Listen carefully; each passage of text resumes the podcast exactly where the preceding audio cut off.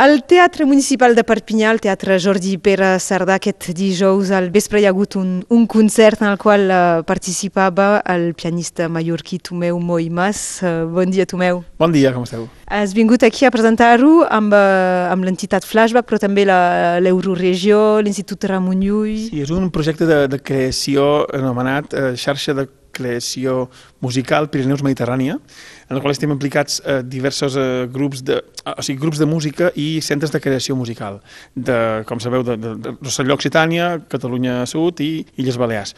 Doncs l'ensemble Espai Sonor, que és el, el qual jo represento, és, soc la persona que, que, que diguéssim que ha gestionat i, i, ha, i ha fet la part mallorquina d'aquesta col·laboració, en aquest cas amb Flashback. Han fet una col·laboració amb Flashback i una altra amb, amb Beol de Tolosa Llenguadoc. Com es reinventa el, el, el piano o una partitura simple? Com es reinventa? De fet, la meva, jo faig de la música de nova creació, música contemporània, que, que se'n diu. Més que reinventar-se, el que fem és, és continuar una, una, una tradició de la qual podem molts, molts oients han desconnectat. Jo, jo potser ho, ho explicaria així. Uh, com que és una realitat, és dir, la, la, les, les músiques anomenades contemporànies, hi ha, hi ha una gran part de, de, de, del públic que, que escoltava la música burgesa del segle XIX i principi del XX que va desconnectar. Aleshores, hi ha una part d'oient que ha quedat com a fossilitzat amb una una, amb una escolta antiga i un altre oient que ha fet l'evolució amb la música del seu temps. Nosaltres senzillament estem tocant música de, de compositors vius, no estem reinventant res, sinó que recollim una, una tradició que, que ve del Renaixement, o potser més, més enrere tot, i senzillament utilitzem tècniques, clar, vull dir, del nostre temps, però ningú s'escandalitza per, per escoltar poder alguna cosa de, de pop o de rock que fan unes, unes, uns sons molt, molt, molt extravagants, i, i doncs quan venen a escoltar música clàssica poder sí que esperen com una cosa més, més conservadora i no és el cas, en aquest cas. Ben bé parles del paper de l'oient més que del, del músic en si, perquè això és una manera de tocar i la, la sí. que tries, que sigui clàssica o, o més contemporània. Exactament, sí, eh, clar, m'he referit a l'oient en realitat perquè, perquè quan es parla de reinventar, eh, és dir... És la percepció que en tenim. És la percepció poder que, que, se, que se'n pot tenir de fora. Evidentment sí que una, una, tot el segle XX i, i, i, el, que, i el que portem de, del XXI Evidentment s'han creat noves tècniques in, in, instrumentals, noves tècniques, tot, per, per exemple, el concert que, que, que fèrem aquesta nit passada eh, hi havia electrònica, això vol dir que, que clar que hi ha una, una, una mescla de, de, de, de recursos i de, i de nous paràmetres d'escolta, de, escènics, eh, etc. Per tant, eh, sí, evidentment hi ha novetats. El que volia dir al principi era que senzillament intentem fer música del, del nostre temps. Resumint-ho molt, sí. Uh, Tomeu, qui és Christophe Bertrand? Christophe Bertrand eh, era un compositor... Dic que jo, jo no sé la, la persona més adequada per explicar-ho perquè és, és un compositor, pel que jo sé, de francès, que va morir l'any 2009, si no vaig malament. El meu amic Xavier Gelabert, compositor, que també ha fet aquest, aquest, concert aquesta nit passada amb mi, li ha dedicat una obra eh, titulada Voix, eh, veus, i Christophe Bertrand l'ha agafat com a referent,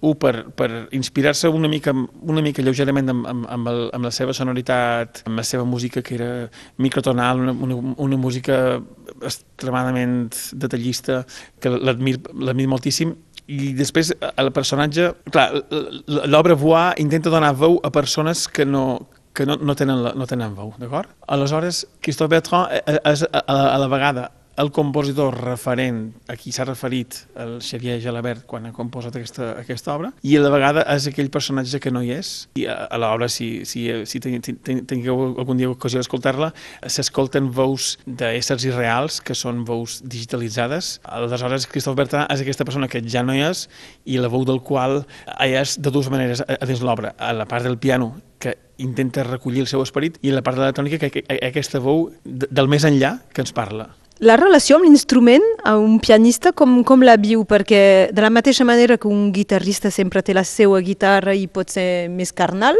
mm. el, el pianista s'ha d'adaptar als llocs on va en general. Exactament, sí. És una, és una de les variables que, que, que fan com a més complicada la, la nostra... Sí, això ens, ens obliga a tenir com a...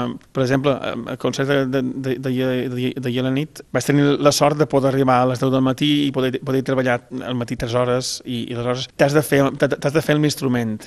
Arribes, evidentment, a, a tenir intimitat amb un instrument, encara que no sigui el teu de, de casa. Però sí, és una, és una de les, de les com, com els organistes, com, com persones que no, que no tenen l'ocasió... Un carillonista. Un carillonista, per descomptat, que no tenen l'ocasió de, de... Sí que hi ha alguns pianistes de, de fama mundial que han tingut l'ocasió d'anar amb el seu piano amunt i avall, però és que no és ni recomanable, perquè l'instrument també pateix, i de fet jo sé d'una pianista eh, britànica molt famosa fa uns, uns anys que el seu piano, que el tenia a Berlín per un enregistrament, un piano eh, excepcionalment car i artesanal, va, va caure a terra i aleshores va, va trencar definitivament, i vull dir que és una cosa que, que ja convé que, que, que tinguem aquesta relació de, de, de, cer, de, de, de, de de, de fer-te amic del, de, del piano. Tampoc no oblidem que, que toques un piano i també toques una, una sala. La sala també sona com sona i aleshores tu, per molt que tu, que tu menis el teu instrument en tu, eh, un guitarrista que, que pot fer això, igualment el guitarrista ha de, ha de sonar amb, ha una caixa de ressonància que és la sala que també l'ha d'utilitzar. Finalment tots ens hem d'adaptar a la situació sonora i de fet jo personalment diria que a mi és, és l'element que és de de la, de la sorpresa, de la sorpresa de, de, de, com, de com sonarà aquella cosa que has treballat tant a casa d'aquella manera que tu te l'imagines. Doncs, aquella, aquella cosa que imprevista de, de, del concert, a, a mi és el que realment m'estimula, perquè tot el que ja saps, que ja t'ha passat 50 vegades, mira, però el, el, la vegada que toques, no, aquest piano és diferent, aquest, el, el sol poder estar una mica més apagat, que és el cas, era el cas de, de, de la, la vida més brillant, etc. I doncs aquesta cosa a mi me resulta extremadament estimulant i no sé si és perquè m'hi he volgut acostumar perquè li vull trobar coses bones, però de fet és així. I per acabar, aquests uh, dos darrers anys pels músics en general ha estat uh, complicat per molta gent, eh? Sí. no només pels músics. Uh, com ho has viscut?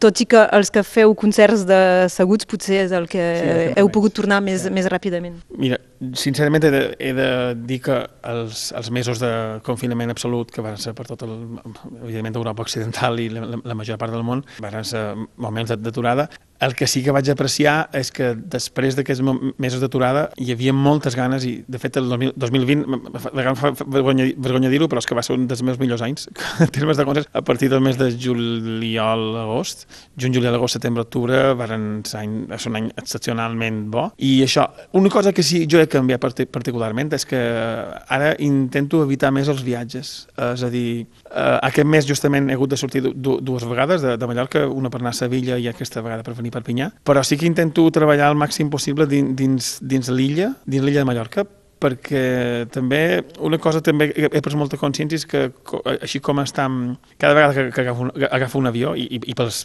pels, illencs això és com a, eh, és un tema irreductible, no pots. Dir, jo, jo podia haver vingut a Perpinyà amb vaixell més no sé com, però m'hagués perdut dos dies i clar, no, no, no, físicament és, molt dur.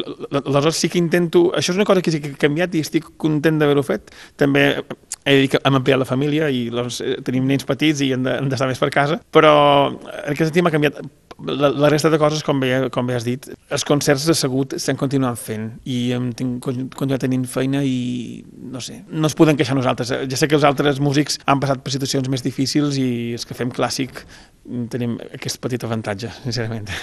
Esperem que tornis a sortir algun cop per venir sí. fins a aquesta part del Reialme de, de Mallorca. Molt, això mateix, em faria molt, de fet, estat molt emocionat venir per Pinyà primera volta com a intèrpret, perquè sí, va ser la capital del Reina de Mallorca, és una cosa que sempre, que sempre fa gràcia, no? Vull dir que aquesta germanor i trobar-me amb gent com, com vosaltres, que em fa molta il·lusió que, que m'hàgiu entrevistat. Tomeu Moimas, gràcies i fins aviat. Gràcies, fins aviat, Laura. Salut.